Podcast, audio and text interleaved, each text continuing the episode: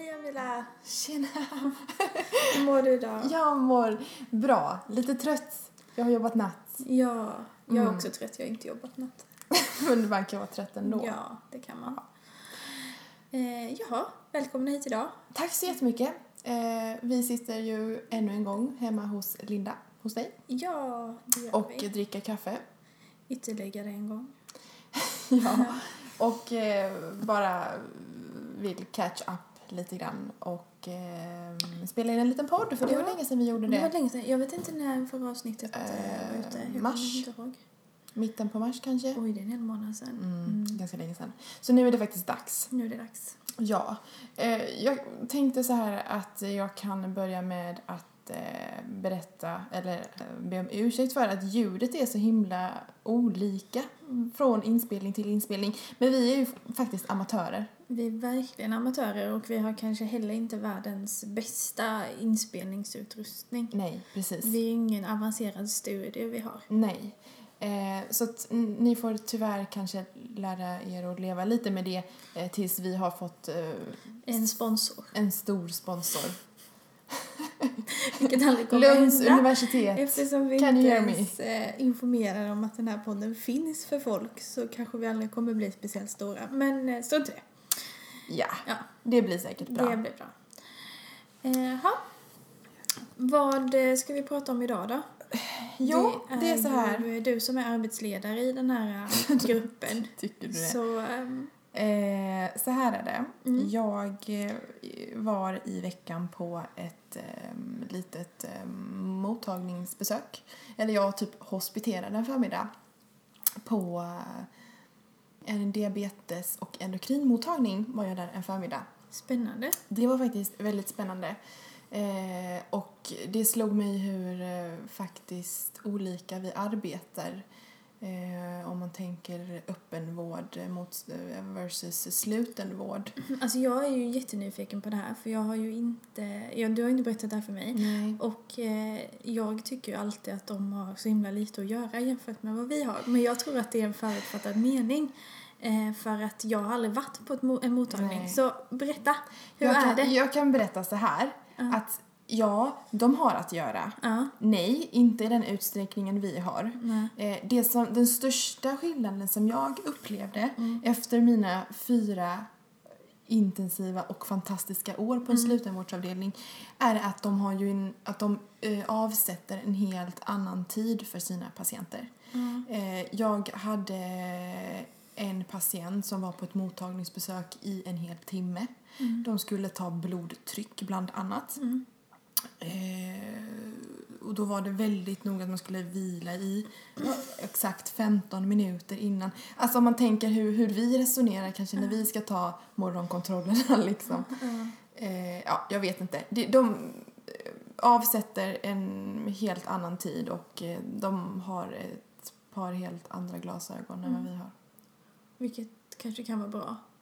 Ja, och det är det ju. Det är väl Ja. jättebra. Det är väl bara att om vi skulle tillämpa samma typ av eh, vård för våra patienter Mm. så hade det ju inte gått ihop rent praktiskt. Det du kan inte sitta hos din... Tyvärr, det, det är så, så ser verkligheten ut. Man kan inte sitta hos din patient eh, som är kanske jätteångestladdad. Du kan inte sitta, har inte möjlighet att sitta där i 45 minuter, oftast.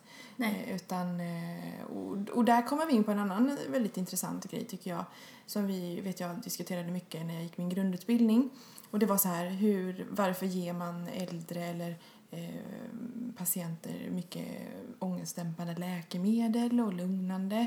Eh, varför e- egentligen behöver de kanske bara en hand och någon som ska sitta och lyssna? Mm. Och, och visst, och det, och det stämmer. Men det kanske också handlar om att de måste ha förutsättningarna, förutsättningarna för det. Mm. Och det har vi tyvärr inte. Därför är det tyvärr sorgligt. Det är tragiskt. Mm. Eh, Men det är därför oftast det är lättare att ge en Oxascan än att sitta där en Mm. kvart. Mm. För att det är effektivare. Det är nog tyvärr så. Mm. Ge det tar två minuter. Sitta hos någon och få den lugn tar allt mellan en kvart till två timmar. Ja. Och den tiden har du kanske inte. Eh, för att man har på en avdelning så ligger ju patienterna för att de är, det är ju där de sjukaste människorna är, de är i behov av inneliggande vård. Eh, och så har du eh, kanske 6 till 7 till 8 patienter du har hand om och alla behöver mycket, mycket vård, mycket medicinsk hjälp, mycket omvårdnadshjälp. Alltså du har inte tiden till att Nej, sitta nej. ner hos dem. Eh, och tyvärr är det så, så vården ser ut idag. Eh, Ja. Sen kan man tycka vad man vill om det. Och, men det är så, det är så det, verkligheten ser ut. liksom. Ja, och vi, vi förstår och vi vet väl själva och tycker oftast och, eh, att det saknas tid Mm. och eh, resurser framför allt. Mm. Eh, och det är ett stort arbetsmiljöproblem eh, inom den svenska sjukvården, tror jag, nationellt. Eh, framförallt då på slutenvårdsavdelningar. Men det man gör är att man får göra det bästa av situationen helt enkelt. Ja, alltså jag tror att många har det bra i alla fall. Alltså jag tror ändå svensk sjukvård är rätt så bra men mer resurser behövs överallt. Så, så Mm. vad är det?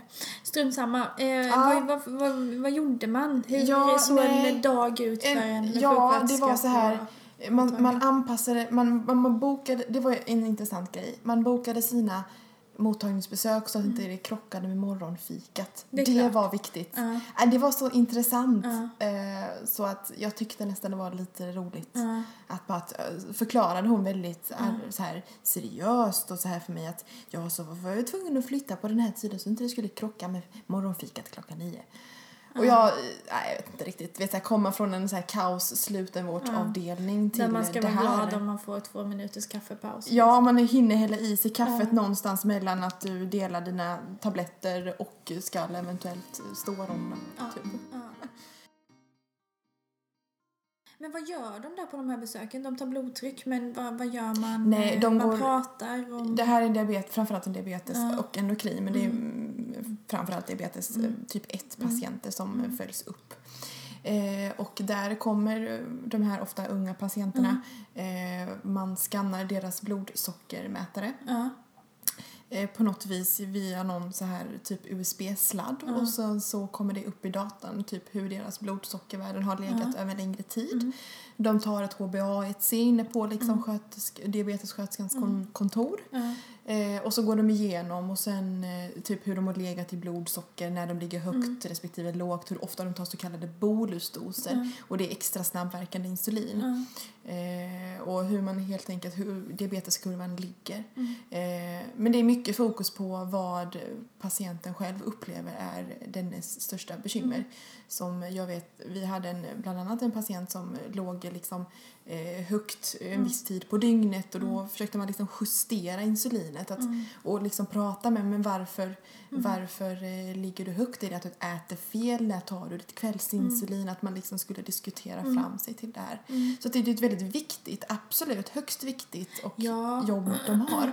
Och speciellt diabetespatienterna för förhoppningsvis så är ju inte de inneliggande så mycket utan Nej. den kontakten de har med vården det är sina mottagningsbesök. Mm.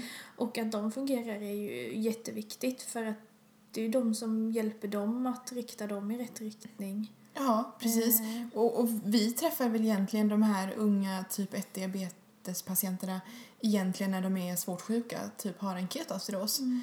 Eh, och det är väl oftast, eller nästan bara då vi kommer i kontakt med dem såvida de inte läggs in för insulinjustering eller någon nyupptäckt Ja. diabetiker. Eh, men eh, ja, jag vet att de har haft lite problem just på den här mottagningen med Mm. lite dålig uppslutning av, av patient, patienterna. De kommer inte på sina mottagningsbesök. Nej, okej. Och då tänkte jag så här, om du tar en ung 20-åring Mm. som kanske, jag vet inte, jobbar, eller en 16-17, eller Mm. nej, då tillhör de barn, men en 18-19-åring.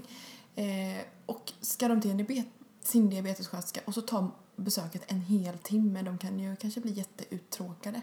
Jag kan tycka Mm. så att man behöver inte dra ut det onödigt, på det onödigt länge. Nej. Eh, jag tror att för, vi, för vissa kanske det behövs en Ja, timme. Ja. För andra kanske det hade bara räckt med 25 minuter eller 30 minuter.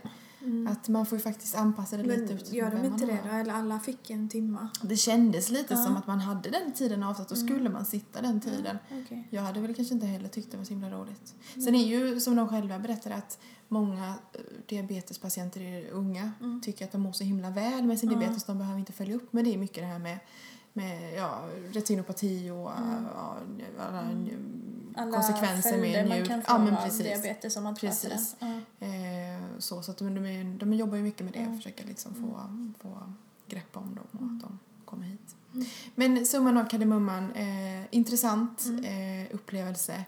Eh, skulle väl, tyck, det jag tyckte var mest spännande det var lite att man kunde vara lite en egen men lite en egen doktor. Mm. Man kunde säga, ja men okej, hur tycker du? Hur ska vi eh, ändra på kvällsinsulinet? Ska vi eh, sänka det lite där? Och så, Ja, så här. på mottagnings... Nu, nu kan jag inte ens prata. På mottagnings...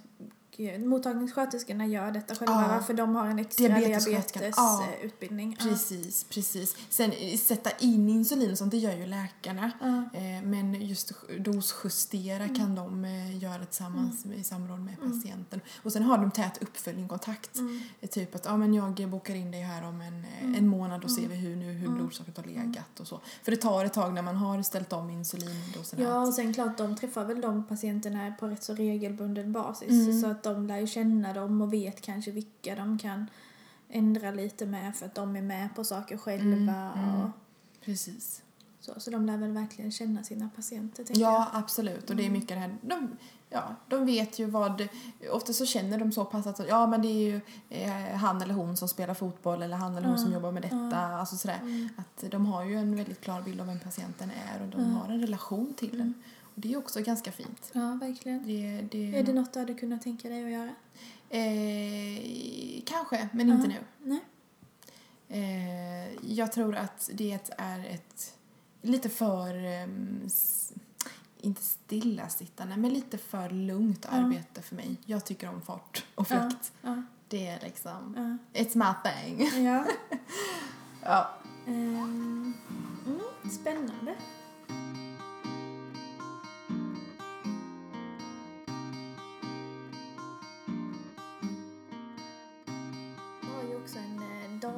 Dagvård knuten till eh, vår avdelning. Mm, mm. Eh, där eh, några av sköterskorna som jobbar på avdelningen roterar upp till. Så de är ju där och sen så är de ju på vår avdelning då. Och häromdagen så var jag där uppe och kikade läget lite. För man är ju där ibland och hämtar saker Ja. och så springer man upp och så säger man hej typ. Och Men det är så mysigt, Det är mysigt att ha ja. den relationen. Det är en annan stämning där uppe Ja, med. Det det är är mycket det. lugnare, Ja. det är inte lika många patienter. Mm. Ja, så. Eh, så gick jag upp där då och eh, fastnade där. Eh, satt och pratade med våra kollegor då. Mm. Eh, och liksom fick se, men som du säger också, jag fick se hur de jobbar. Det är Mm. ett helt annat sätt. Mm. Det skiljer ju sig också från både mottagning och avdelning, för det är en Mm. dagvård. Mm. Det är ju något, Polikliniska ju- det är en patienter. tredje sak Ja. liksom. Ehm, och ehm, så här, där kommer ju patienterna och får kanske då blod eller så får de, eh, ja, de får olika insatser. Transfusioner och dropp och- och dropp och bla ha, bla ha. Och sen så Ja. får de gå hem igen när det är slut Mm. och så ja, lämnar de prover om några veckor igen typ. Och där har de ju sina planerade, inplanerade besök också. Mm. Eh, där det nog är väldigt mycket mer flexibelt än på en mottagning. För Mm. de kan ju ha tre patienter samtidigt.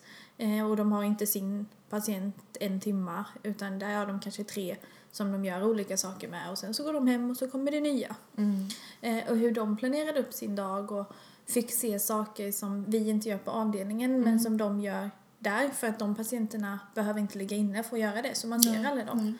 Ehm, så det var också spännande faktiskt att få se lite det och se deras arbetssätt. och Fick du vara med och göra någonting? Mm. Ja. Eh, jag var med och eh, tittade på ett par grejer som, eh, som inte vi... som vi inte brukar göra på Nej, avdelningen. nej. Eh, och det var en av mina kollegor som bara kom nu, nu Linda, du får du vara med här och Ja. lära dig det här. Och, Var alltså det- de visar ju väldigt gärna, de tycker ju det är Ja. kul när vi kommer upp Ja där. men det är också det här, återigen, Eh. de, de har kanske, oft, inte alltid, Nej. men eh, oftast eller ibland Ja. har de ju tid för det. Ja, jag har Såklart. frågat dem hur det är där uppe ibland. Så här, är det lika mycket som på avdelningen och så? Och jag tror att de har ganska mycket på Ja, dagvården där hela tiden.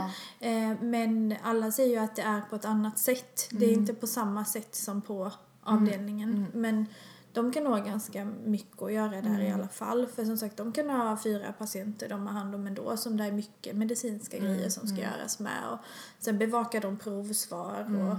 sådana grejer och så. Mm. Eh, Men eh, ja, det är kul att få en annan blick av det. Mm. Eh, Så.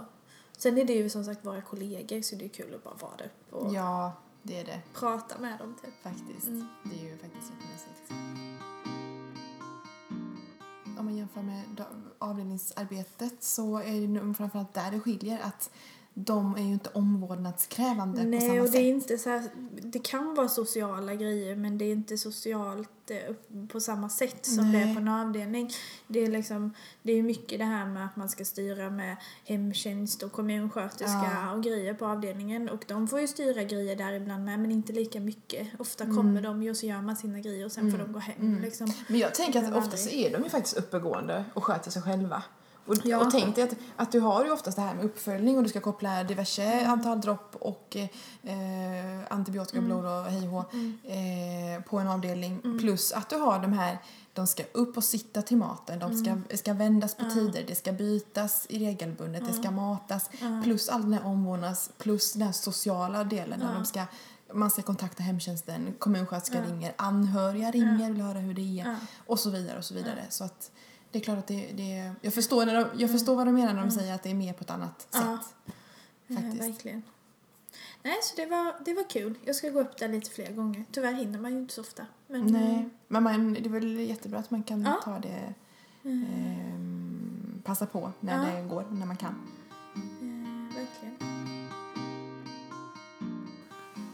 Min svanskota, Amila. Aj då. Ja, jag tror det är förslitningen. Nu häller jag upp kaffe med. Jag vill gärna ha lite kaffe. Eh, nej, jag vet inte vad det är Tack, som... Ulrika. ehm, men nej, jag vet inte. Jag funderar på om jag är typ lite sne, sne i ryggen eller något. Typ skolios eller? nej, men alltså du vet, en sån här förslitningsskada. Alltså, Linda, du är, vad är du, 28, inte 88? Ja, fast jag har ju ont i svanskotan. Det är ju någonting som har gjort det. Jag har ju inte ramlat. Du har sovit dåligt. Nej, jag har haft det flera dagar, flera veckor. Jaha. Ja, nu tog jag Hur, sista mjölken. när kom detta då? Det kom eh, för några veckor sedan. Det började smygande och nu så är det liksom, när man trycker där gör det lite ont. Mm, Ja. Om du skulle beskriva din verken, molande, huggande, stickande. Mm, lite huggande tror jag när man trycker. Är det konstant Nej, värk? det är ju när man typ trycker eller om man sätter sig så att det, Mm. du sätter dig på svanskotan. Ja, det brukar göra ont. Nej, jag Nu ska du inte... Nej förlåt. Men käkar, du Alvedon för det? Nej, så ont gör det inte. Fan! Det är så ont, men jag har ont i hela massa veckor. Ta inte ens Alvedon. Vad är det här för fi- fejksmärta? Kom inte hit. Men vadå, man kan väl ha ont utan att man behöver ta Ja, men då tycker jag inte stående Alvedon för det liksom. tycker jag inte du ska klaga. Nej, alltså det är ju ingenting som påverkar min vardag. Det är ju inte så här så ont så att det påverkar mitt liv. Nej, men det är bra. Nej. Då är det, då är det Men det, oväsentligt. det, kan, det kan ju utvecklas till det. Mm, nej, vi, vi, vi får följa upp detta. Ja. Jag lovar. Tack. Bra. Du, Ja. eh, tvingade sökord. Vilka är dina tvingade sökord? Alltså sökord som du alltid känner för dig själv att du måste uppdatera. Som du är väldigt noggrann med. Kroppstemperatur. Va? Är det? Och, Alltså Amila, kroppstemperaturen är väldigt viktig. är det så? På riktigt? Jag skriver alltid om de är afebrila, Ah. subfebrila, Oj, intressant. Det visste inte eh, ens jag. febrila. Det är viktigt. Ja, men det är det. Absolut. Ja. Det är det verkligen. Särskilt är det viktigt hos oss. Våra patienter har ofta feber. Ja, det Ehm. har de ju såklart. Ja, det finns ju, det är precis som du säger, det finns ju faktiskt vissa sökord som är mer relevanta för, en, för olika typer Men, av patientgrupper. alltså- Men jag har ju en generell.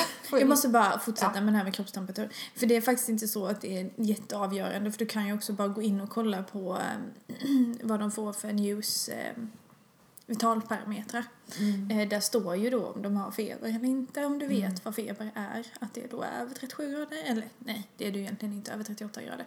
Men vad är 38 och 5 räknar väl vi? Eller nej, över 38 kanske man räknar. Alltså men jag oh. har ju då läst Ja men du har ju, just, just det, du har ju läst utbildningen. Eh, man brukar säga över eh, 38 och 5 under, eh, vid ett tillfälle. Eller om du har över 38 grader under en längre period. Mhm, okej. eh, så är det feber. Mm. Eller egentligen så är det ju när det handlar om våra patienter. Mm. Ja, skitsamma. Så att egentligen kanske inte är så viktigt att uppdatera kroppstemperatur. Mm. Jag tycker däremot att det är rätt så viktigt att uppför, eh, uppdatera hur de äter, Mm. eh, hur de förflyttar sig, eh, om de är klara och adekvata Mm. eller om de är förvirrade.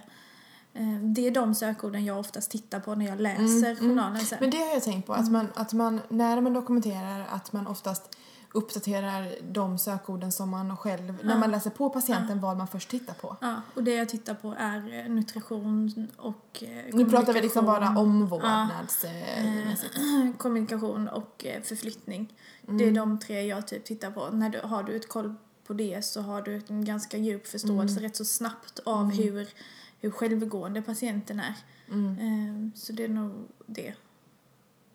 Jag, jag tittar på eh, andningsfunktion, hjärt-kärl och sen så kommunikation, hur mm. de klarar adekvata snurriga, hur de förflyttar sig och hur de sköter sig, eller hur mycket hjälp Ja, de behöver. ja. Eh, Eh, Men och det sen kan så du oftast jag- tyda rätt så mycket på bara om du ser förflyttningen. Ja, ja absolut. Så. absolut. Eh, och sen så... Nutrition är jag faktiskt dålig att, att titta på. Men det är mest bara för att jag vill veta om de, ehm, Äter. ja dels om de äter Eller illamående. och eh, illamående och om de eh, kan äta själva till exempel. Mm, ja. Ehm, För typ så här, jag tittar nu, är det en patient när jag läser på den medicinska delen där jag ser att ah, men det här är en patient som har haft stroke och en halvsides eh, förlamning och eh, är rätt immobiliserad. Då ja, utgår Ja. antar jag att det här kanske inte är så här Sen, själv, sen är liksom. jag, för det, jag är inte jättebra på att läsa det där överhuvudtaget utan jag läser mer det medicinska.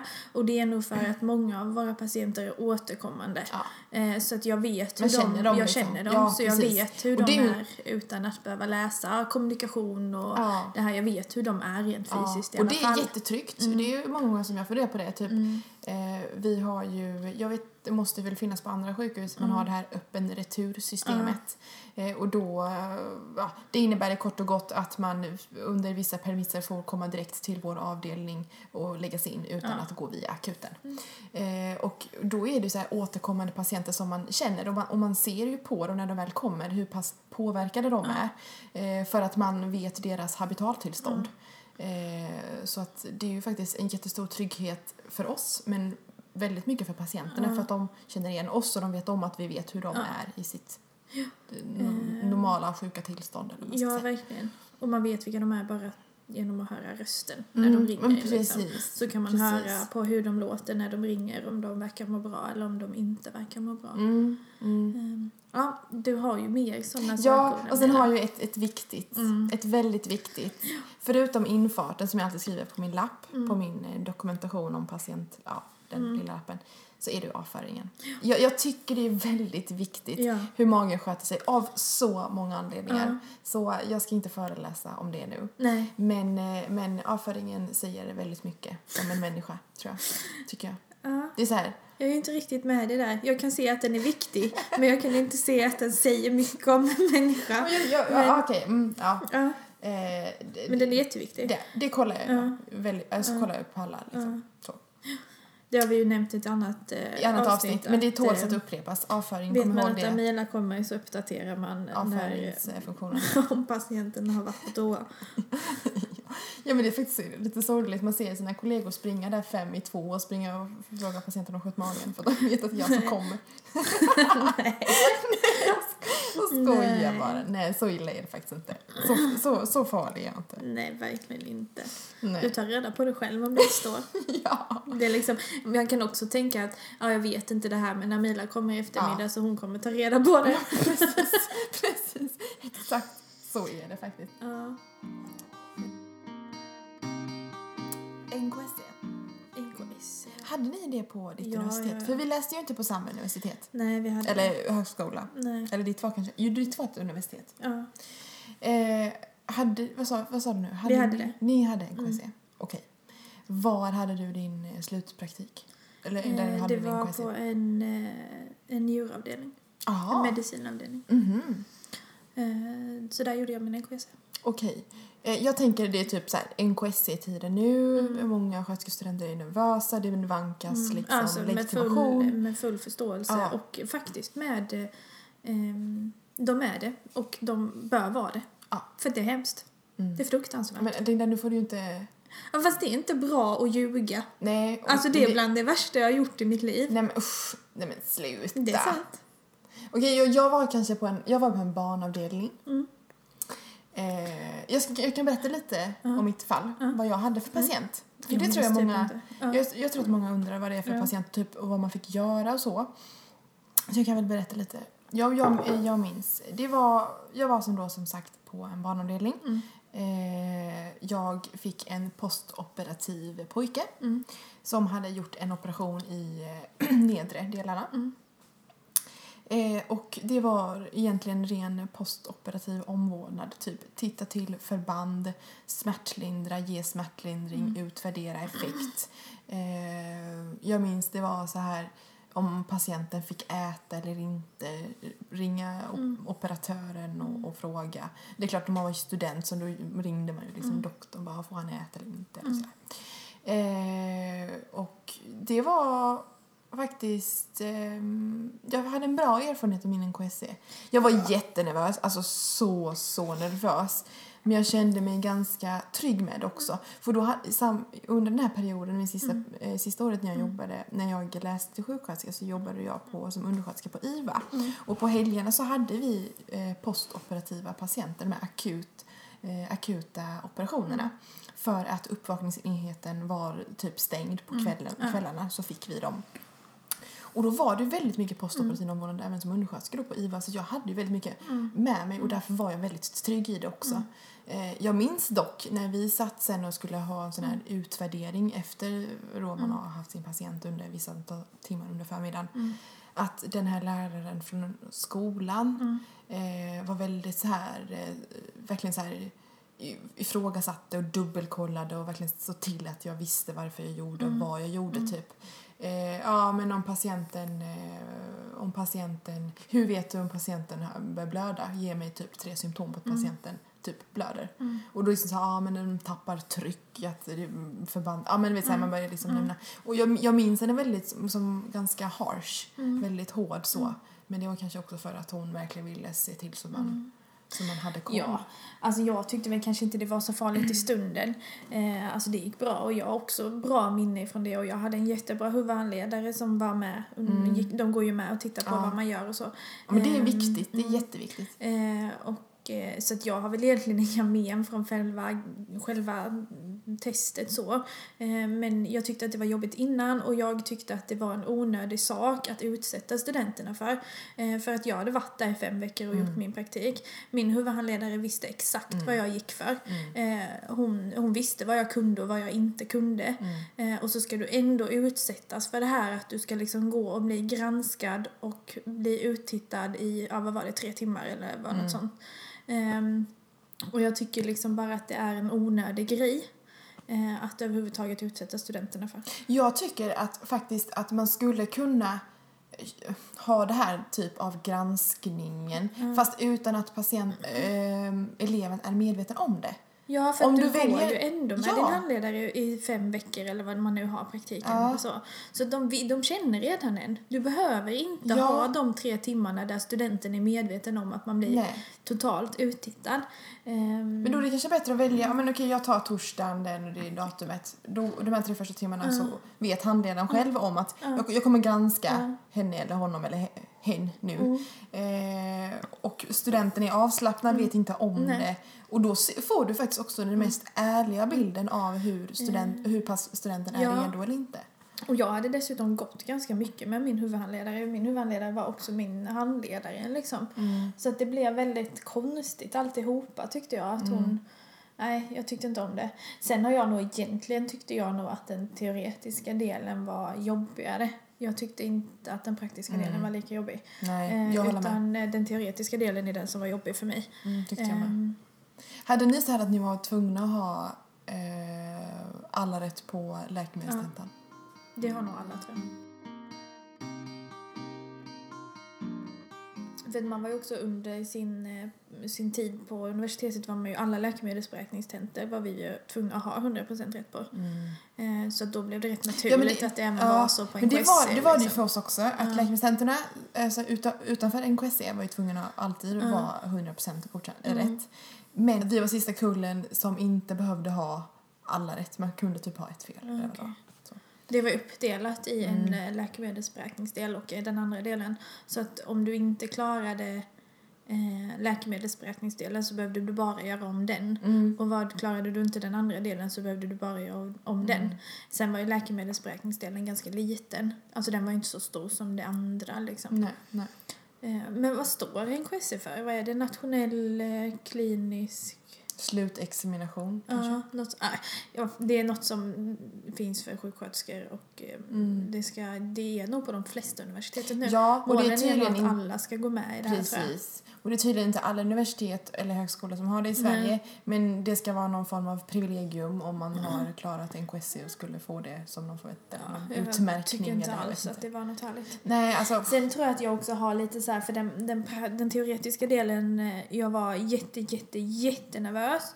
Eh, och det är ett lite annorlunda koncept emot en annan tenta. Att typ du har kanske tio papper och har du vänt på det första pappret, alltså ansett dig färdig med det, Mm. så får du inte gå tillbaka igen. Så att du fick liksom... Ja, just det. Så var det. Eh, så då var du liksom, okej, jag- har jag svarat rätt på den här frågan? Ja, det har jag nog. Sen fick du liksom inte gå tillbaka och titta i efterhand. Ja, men för att på nästa fråga så stod, om, så stod svaret Ja. på föregående. Ja, det var något sånt, det var typ patientfall. Typ, ja, precis. Eh, typ, jag vet inte, Arne har dessa symptom, vad kan det tyda på? Så kanske du ska be, ja. ge ditt svar och sen när du vänder bladet så står det det visar sig att Arne hade pneumoni. Ja. Typ. Eh, typ så. Och ehm, jag, jag klarade läkemedelsberäkningsdelen men missade den andra delen med ett halvt poäng när jag Nej, skrev fy. min första tenta. Nej. Och det är nog därifrån jag också, jag, fick, jag skrev ju om den då eh, och klarade det på andra försöket så det var inget problem. Jag fick Mm. ju min legitimation när examen var och sådär. Mm. Men det fortfarande, oj nu knäckte min arm. Eh, fortfarande så var det jättetråkigt att här, Ja. ett halvt poäng liksom. Men det, det vet jag att det är ju ganska tråkigt. Den är ju så pass, eh, den är ju, NKS-tentan är ju så pass Det- nära examen att den är väldigt tråkig att göra om. Ja, fast man hade möjlighet att skriva om den en gång. Mhm. För det gjorde ju jag. Ah, okej. Ah, ja. Eh, Jo, men jag tänker att överlag att överhuvudtaget behöva skriva om den Ja. kan kännas väldigt Ja. surt, tänker jag, just för att det är så nära. om du inte har klarat den här så får du ju inte din legitimation. Nej. Och du har själva första tillfället, sen hade vi ett tillfälle till på oss innan våran examensdag var. Eh, och klarade du inte Ja. det på andra då heller, då fick du ju, var du ju inte färdig till examen. Nej, det. Eh, så det var några i min klass som inte hade klarat det på första och inte på andra utan fick skriva det en tredje tillfälle. Eh, och då blev du ju inte färdig när du skulle. Och många hade ju fått jobb och sådana grejer och då är det ju rätt tråkigt att behöva ringa till sin arbetsgivare och bara Mm. Jag eh, klarar inte den så jag får inte Usch vad legitimation." jobbigt. Ja, Jag hade alltså, det var ja, jättejobbigt jag tyckte det och typ jätte, pinsamt. Mm. Och bara man, jag hade nog känt mig jättevärdelös. ja, de räknar ju med en liksom. Ja. Så, Men för en själv Ja. också, vad man, Ja. gud fixat. Men det, det, det sätter, som du säger, det sätter onödig press Ja, på jag elever. det. Väldigt onödig press. och det var, alltså den här tentan var ett helt annat koncept än vad alla andra tentor under hela utbildningen Mm. var på. Så att man var liksom inte van att skriva på det sättet. Och, nej. Nej, Jag var jättenervös och tyckte att det var NKSE. jättejobbigt så jag, jag är inte för det. Om det nu kanske mot förmodan sitter någon stackars T6-student och lyssnar på detta och är supernervös, kan vi ge våra, Mm. dina tre bästa tips? Mina, bästa tips? ja, jag har ett jättebra tips eh, och det är att gå in på vårdhandboken. Eh, och på vårdhandboken finns det olika test. Mm. Eh, som är så här för typ eh, PVK-er så finns det efter det ett test liksom på PVK-er. Mm. Gör de testen. För Mm. de, de utgår jättemycket från vårdhandboken. Eller gjorde när jag skrev det här då för två och ett halvt år sedan. Eh, så utgick de jättemycket från vårdhandboken. Eh, så kan du det som står i vårdhandboken så får du, vinner du mycket poäng bara på det. Ja, och sen en annan viktig sak som jag tror faktiskt Mm. många inte tänker på att de faktiskt är berättigade till.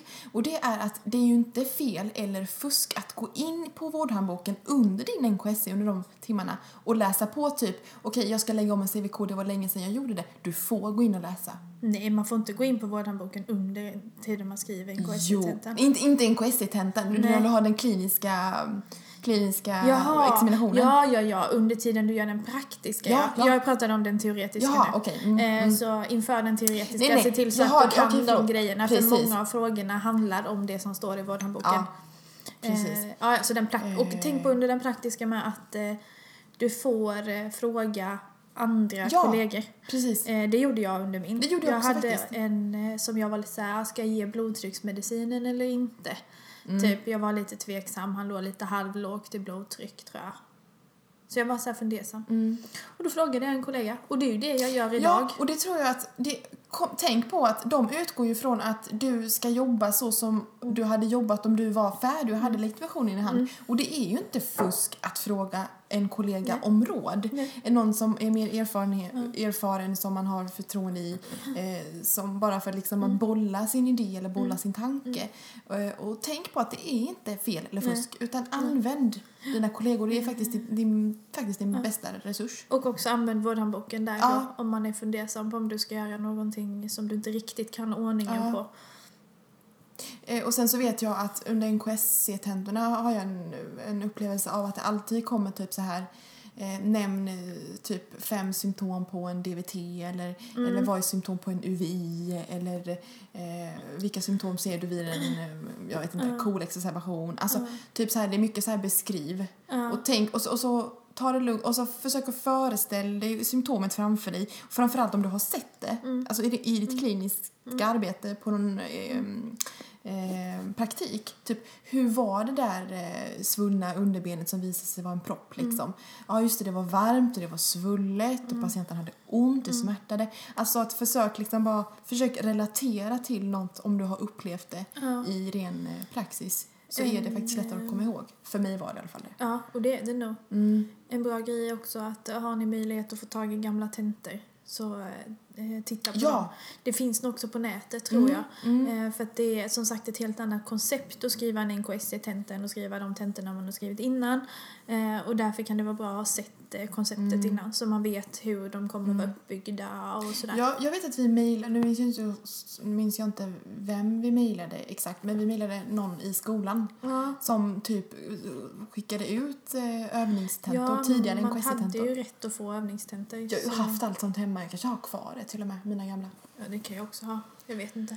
Men Ja. det var också bra, så man Ja. hade sett det. Okej, så eh, när det kommer till det teoretiska, gå in på vårdhandboken, gör olika test, läs på, ehm, ta de här klassiska, ehm, tänk lite klassiska symptom, typ urinvägsinfektion, lunginflammation, eh, DVT, hjärtinfarkt, Ja. symptomen Ja. vid de här olika typer av åkommorna som egentligen finns överallt på alla kliniker och eh, somatiska vårdavdelningar. Ehm, och till den praktiska delen, tänk på att du får ta reda på information om du, du är osäker, du inte inte vet. det. Och du får använda dina kollegor som hjälp.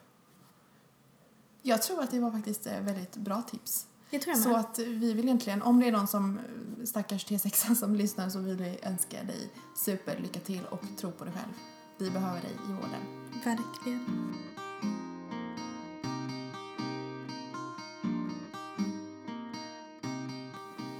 Linda, Ja. det är så här att jag har eh, en sån här liten challenge som vi hade något första alla Men jag andra tycker det är avsnitt. kul. Ja, eh, så här är det. Jag har bara eh, sjukhusverifierat den här. Säger man så? kanske man inte gör. Men nu jag, säger man det. Från och med idag det. säger Ja. man det.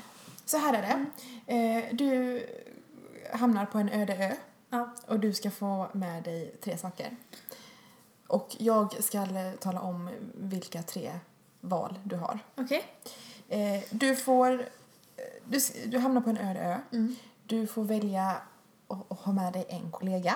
Mm. Och du ska tala om vem det här är. Du behöv, det behöver inte vara ett namn om du inte vill. Men du får tala om om det ska vara en sjuksköterska, en undersköterska, en, en te- eh, arbetsterapeut, en läkare eller vem det kan vara. Ja. Eh, du ska ha med dig ett verktyg, sjukhusverktyg, typ piang, sax, eh, nålförare, whatsoever. Ja. Så. En bloodscan, du får välja precis själv vad du vill ha. Ja. Och du ska ha med dig något från köket. Alltså något som finns i Något vårt, eh, ätbart från patientkök. patientköket. Aha. Så de, det, nu ska du välja eh, vad du har med dig till en öde ö. Okej. Shoot. Okej. Eh, personen då. Mm. Ja, men jag, tar med mig, eh, jag tar med mig Samantha. Samantha är en av eh, mina kompisar som jag pluggade med. Mm. Hon är sjuksköterska nu. Och hon jobbar eh, på en eh, kirurgavdelning. Mm. Och jag bra tänker ha att det är bra. Ja, det är Eh, för jag jobbar på medicinavdelning. Och då kan det vara bra att ha annan kompetens. Ja, Eh, faktiskt. och jag och Samantha kommer väldigt bra överens med. Så jag tror att det skulle, Mm. det skulle funka. Jag tar med mig Samantha. Ja, men vad bra. Mm. Skitbra så här akut app kan hon bara rycka in liksom. Ja, Hon kan ju det där som Ja, inte ja, jag ja. kan liksom. Gud, Ja. skitbra. Mm. Shit så bra. Eh, Ja. Och sen så... Ett verktyg. Ett verktyg. Alltså den tyckte jag var lite svår. Jag vet inte vad jag ska för nytta av något verktyg där. Ja men jag ska... Jag kanske... Men ta med dig något som Samantha kan använda om, om, om du skulle få en akut eh, app liksom. Skulle det vara? En, en kniv då eller? Nej men eh, det kan vara någon LP-bricka. Va? Vad ska jag göra? om hon- LP på mig? Min Nej, teddy. Om du skulle få någon så här eh, hjärnhinneinflammation, det vet väl inte du? Ja, men jag tror att jag tar med mig en sax. En sax, ja, det var mesigt Ja, men vadå på en öde ö? Vad ska Men hon, du har med dig en, du har med dig en kirurgsköterska, ta med dig något redigt. Något redigt? Ja men ta med dig en yxa eller något. Ja, för jag, det skulle ju vara sjukhusverktyg. Ja men det finns säkert någon sjukhusyxa Jaha, okej. som du säkert har på OP. I så fall tar jag med en sån här uh, ortopedhammare så att vi Ja, kan det ser spika lite. Ja, ortoped. Vi har ju inga spik. Nej, jag tar med mig en sån... eh, Har de inte sågar där också på eh, när de använder... Ja, kanske när de amputerar eller Jag något. älskar vad vi har för bild av ortoped och kirurgikliniken och operation. Ja, men jag Eh, ja, du tar med dig en såg. ja, Ja men jo, ja, det har de det är faktiskt. bra så man kan bygga Ja. en hydda. Jag har varit på en eh, ortopedisk operation. Ja. Kanske det tråkigaste jag gjort i mitt liv. Men Mm. De det var en erfarenhet. sågar. De använder så för de står mm, mm, Jag tar med mig såg. sågade så här i en, i en arm. Ja, jag så tar det stämmer, det en har. såg. Ja men skitbra. Och du ska ha med dig eh, något, något från presentköket Mm, Jag att tar förtära. med mig näringsdryck. Det är mycket kalorier i det. Klokt. Mm. Äh, det var bra. Ja. Riktigt bra grejer. Mm. Kan inte du fråga mig? Jo, kan du berätta för mig nu? En kollega. Ja. Alltså jag har ju inte tänkt ut. Alltså jag har ju tänkt ut frågorna till dig men jag har inte tänkt Ja, men på då får själv. du svara nu. Eh, en kollega, jag eh, skulle ha med mig... Alltså jag vet vem jag hade valt mer. Jag har ett alternativ till. Vem skulle jag ha med Jag skulle haft med mig... Ja, jag vet vem du skulle haft med mig det alternativet till. Nej! ja, det vet jag. Kan han börja på? Nej. Nej, det var faktiskt ingen han jag tänkte på. Men Nej. när du sa det så lät det så lockande det med. Ja. Ah, Okej, eh, en kollega. Ja. Svårt. Jag vet inte. Jo, en kirurg. Fast en kirurg. Vad ska du med en kirurg till som eventuellt bara får ha med sig en, en ortopedsåg liksom? Jag vill ha med mig eh, Anders från Rondo Podcast. Anders vill jag ha med mig. Så jag och Anders, och då får Anders välja verktyg. Jag tror han väljer eh, lite penicillin. Vadå, det är inget verktyg? Fast det är ju hans verktyg. Alltså i så fall hade jag ju inte valt en ortopedsåg om jag hade fått välja medicin. Nej fast nu överlämnar jag detta till Anders och Anders är läkare och då är hans verktyg antibiotika. Så det tar jag med mig. Amila. Och kortison. Nu känner jag att du gör om frågan lite efter vad som passar dig. Jag tycker inte alls det här var rättvist. Okej då, ja ja. Ja. Jag tar med mig... Vad kan vara bra med på en öde ö? Ett verktyg. Eh, ett CAD-set. Ja. Eller en sån här såromläggningsset eller Ja. något där jag har lite så här, lite allt i allo. Känner inte att det är ett verktyg det heller, Jamila, men ja, ja, det får Ett set. Något det, form av vi, set. vi, vi tar det, du verkar ju försöka... En peppflöjta. Ja, okej, den får du ta med. Jag tar med mig en peppflöjt. Mm. Fasiken, den ska vara bra för. Nej, det kan vara bra. Nej, men då är ju faktiskt en sax bättre. Ja! Jag tar... en sax. Okej. Så du precis jag, sågade mig för att jag, jag skulle Anders, en sax och vi ska dricka såna här särbomber. Det tar med från köket. Vad är det för något? Särbomber, det är såna små vaniljshot. Eller så här. Jaha, de här Milkshake-shottar som är typ näringsdryckerna jätte- som köket gör. Ah, ja. Mm. är sån. Så jag, Anders, en, en sax och särbomber. Alltså jag tyckte min var bättre. Ja, det var den. Samantha Jag har såg. ingen, jag, jag har ingen eh, kirurg eh, sjuksköterskekompis. Nej, synd för dig. Så jag får välja en infektionsläkare. Du vill kan du få låna Samantha. Vill hon bli vän med mig som Ja. med på en öde ja. Samantha, om du lyssnar på det här, Alltså. Samantha lyssnar ju på det här. Ja, just det, det gör hon ja. Mm. Så, ja, så var det. Mm.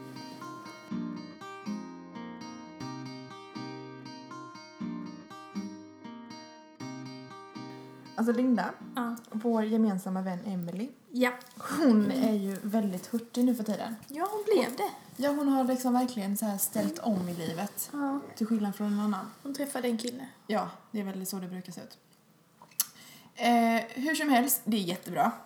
Eh, Fantastiskt hon bra är väldigt hurtig och är ute och springer ganska ofta och jämt. Hon är jätteduktig, jag är avundsjuk. Ja, det är jag med. För att hon, det är så här att hon har ju en app Mm. som hon typ så här ansluter sig till eller, eller typ Mm. loggar in på när hon, varje gång hon är ute och springer. Ja. Och nu är vi kompisar via den här appen så jag kan ju se när hon är inloggad. Och det är inte bra. Nej. Det är inte bra alls. Ja, vi pratade faktiskt senast i telefon i förrgår tror jag. Mm. Och då sa jag det till henne att jag får nog ta bort appen. Men eh, så det funkar inte som med motivation? Nej, alltså det, tyvärr inte. Nej, okej. Tyvärr inte. Mm. Men hon är jätteduktig som, som eh, gör det. Ja, det får kanske Vill jag egentligen bara säga att eh, det gör mig lite stressad.